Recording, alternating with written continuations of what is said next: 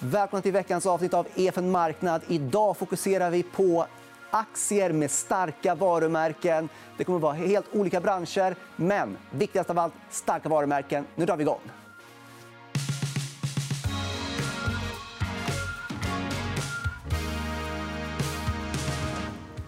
Och för att prata om aktier med starka varumärken är du varmt välkommen, Therese Nyrén. Tack. Och du har en fond som fokuserar på just det. Jag vet att det finns jättemånga investerare som också gillar de här bolagen som verkar inom den här sektorn. Varför är det så spännande? Ehm, jo, därför att ehm, den här sektorn, egentligen, eller starka varumärken eller livsstilsfonden, eh, Lucy Global Fund eh, investerar i bolag som jag tror att alla kan eh, relatera till alla förstår. Och det är väldigt enkelt. att Man kan gå ut där på gatan och se vad händer runt om. Eh, och så. Och typ alla bolag man pratar om säger att vi har ett starkt varumärke. Vi har ett starkt varumärke. Men vad är det som gör att de du har valt har ett speciellt starkt varumärke som genererar eh, vinster och så? Mm. Eh, för mig handlar liksom starka varumärken om... Dels det är ett märke som oftast är globalt. Man kan relatera till det. Eh, många människor känner till det. Och sen handlar det också om att man någonstans kanske vill visa på en status. Att man har möjlighet att eh, köpa den varan eller liksom tjänsten. Så jag skulle nog säga att de flesta känner till det. och Det handlar en del om ja, status helt enkelt. Inte bara det, men eh, det är eh, för mig ett ganska starkt varumärke. Det är många som känner till det. Och det har inte gått dåligt för de här aktierna. Det har haft en Nej. Eh, väldigt stark utveckling. Um, vad är det som är så spännande just nu som marknaden ser? Är det... ja, precis. Nej, men dels är det så att eh, fonden ligger ganska högt upp på listorna just nu den senaste månaden. så Det känns fantastiskt roligt.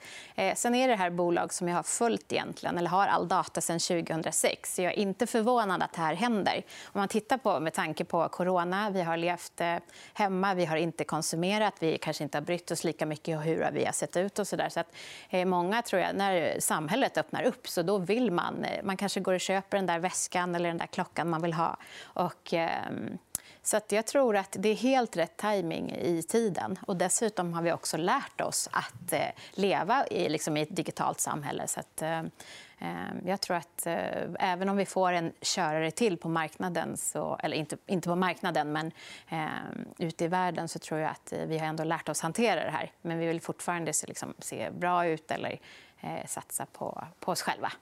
Men eh, samtidigt så vet jag att det är inte bara kläder och sånt Nej. som du har. Utan det är ganska brett. Ja, exakt. Och jag, eh, jag tänker så här, när jag förvaltar så har jag valt att... Eh, jag kallar det för en tematisk förvaltning. Jag tittar inte jättemycket på fundamenta. utan Jag har del, eh, delat upp mina teman egentligen i 20 teman.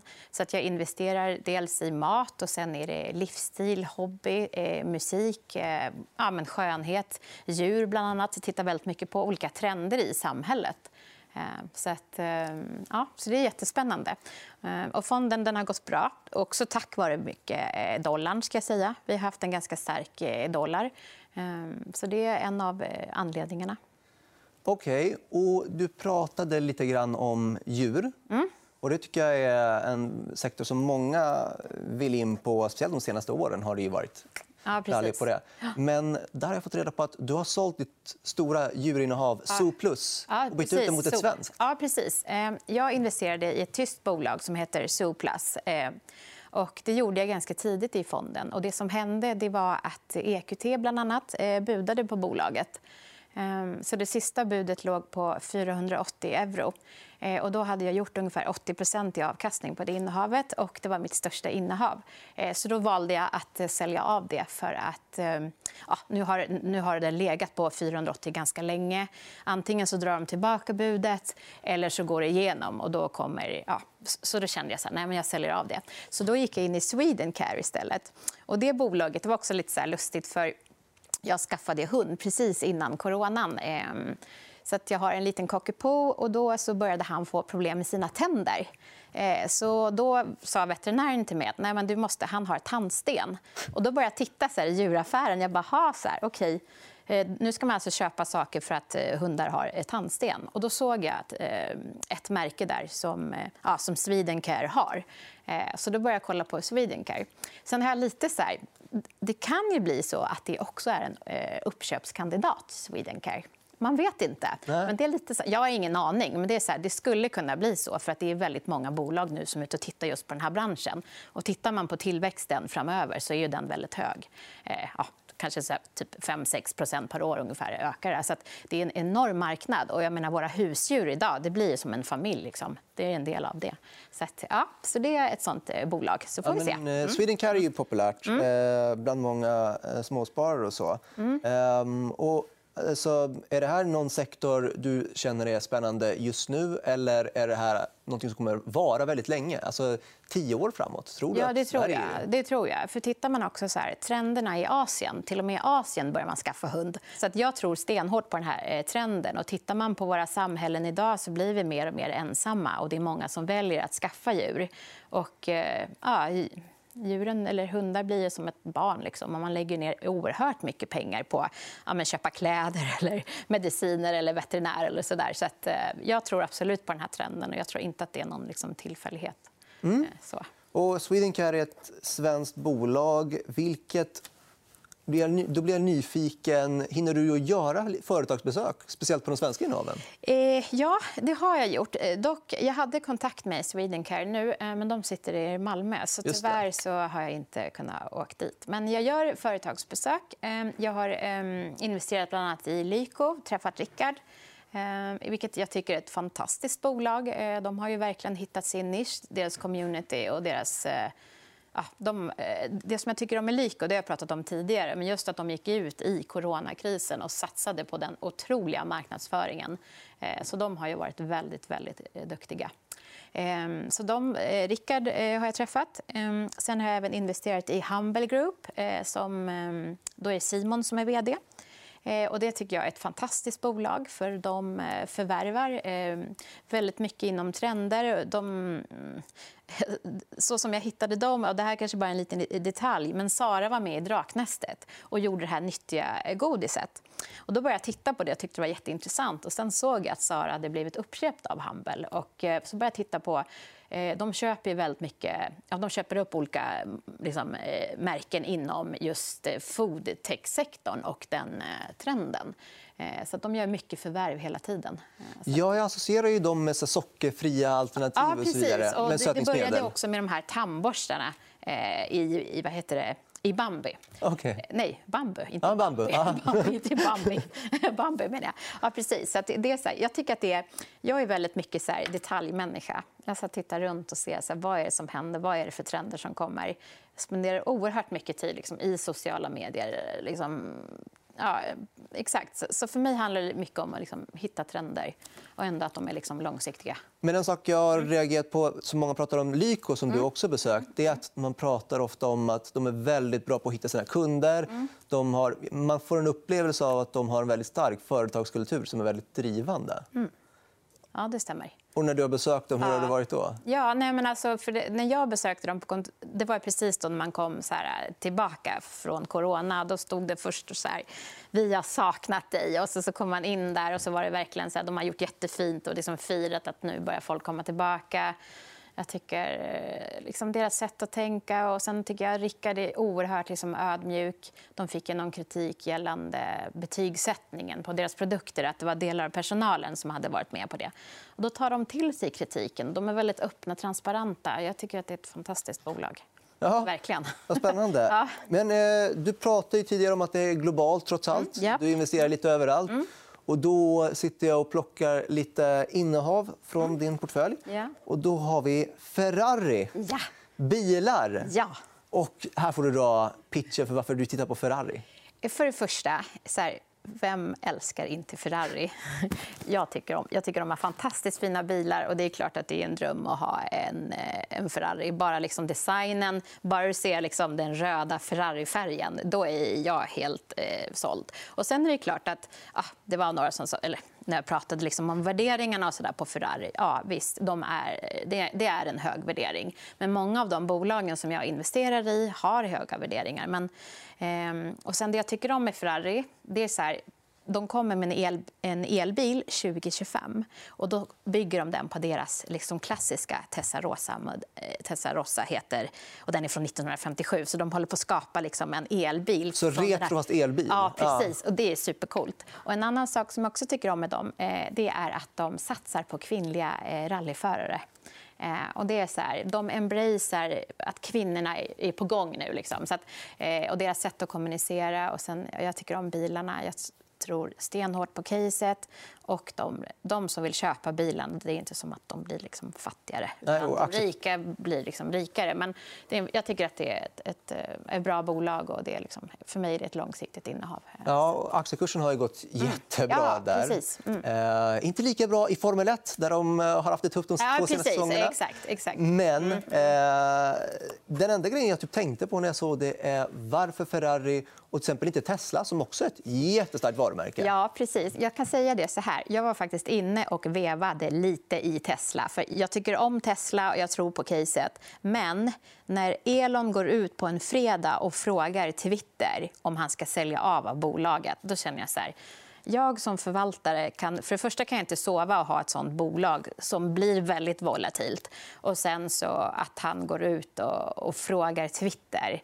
Du vet, jag kunde inte sova på hela helgen. Jag kände så här, jag måste kunna sova när jag har mina innehav liksom, och för mina investerare. Jag vill inte ha för eh, liksom, volatil eh, eh, bolag liksom, i, i fonden. Ja. Och dessutom, han är ganska vild. Liksom. Och han, är, han är ute och vevar. Du vet, när, han skulle, när de skulle in i eh, indexet så gick det nu fantastiskt bra. Aha, då sen skulle han ju börja dra in bitcoin i det där. Och då kände jag så här, bitcoin är också alldeles för volatilt. Så då, nej, jag, jag tycker om Tesla, men Tesla kommer inte komma in i Lucy för att hon vill ha lugn och ro. Ja, men det kan jag förstå. Summerar man så Rickard Lyko är mer din typ av vd, inte Elon Musk. Nej.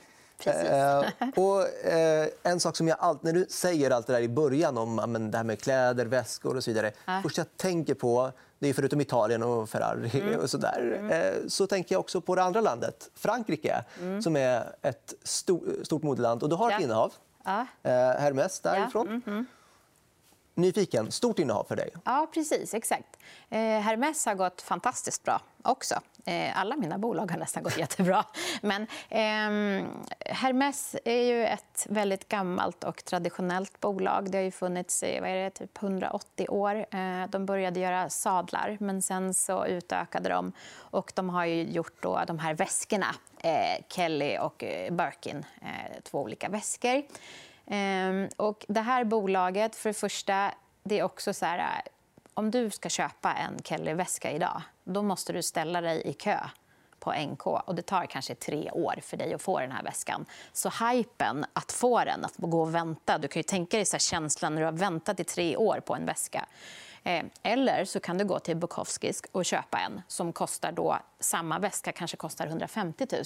Så du har ett väldigt bra andrahandsvärde. Dels investering i väskan, men också har du eh, liksom en bra investering i aktien. Och, eh, de är hållbara. Många av mina bolag eh, är i framkant vad gäller hållbarhet. Men du vet, det här är sån kvalitet, det är sånt andrahandsvärde. Och aktien har gått som tåget. Och ja, nej, det, det ja, så här.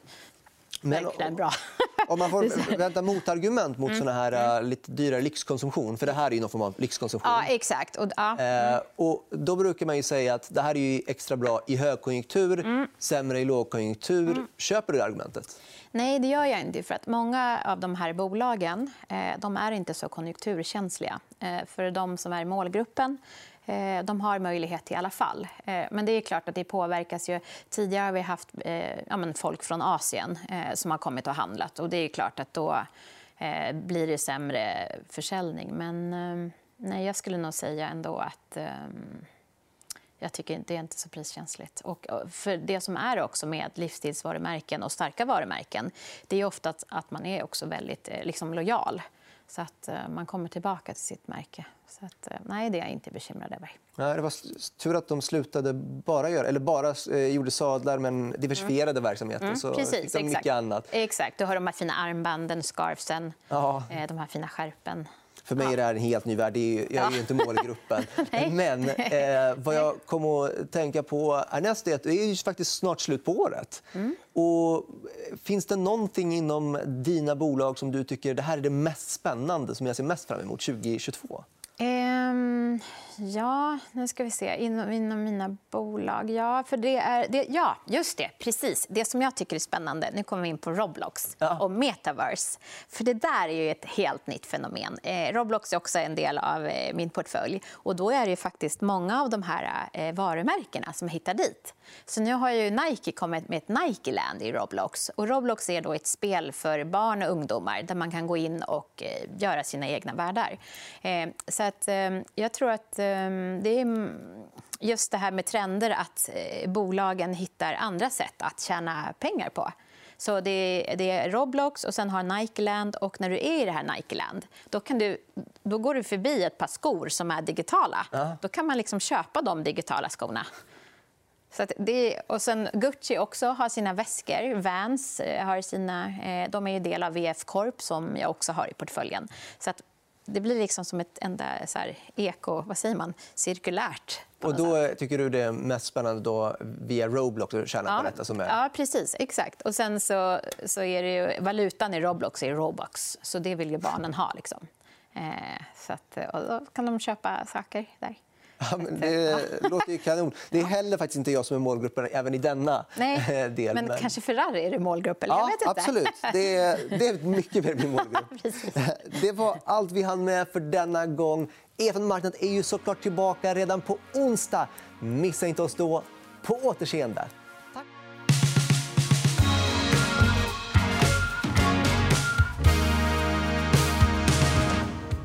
EFN Marknad är en podcast från EFN Ekonomikanalen.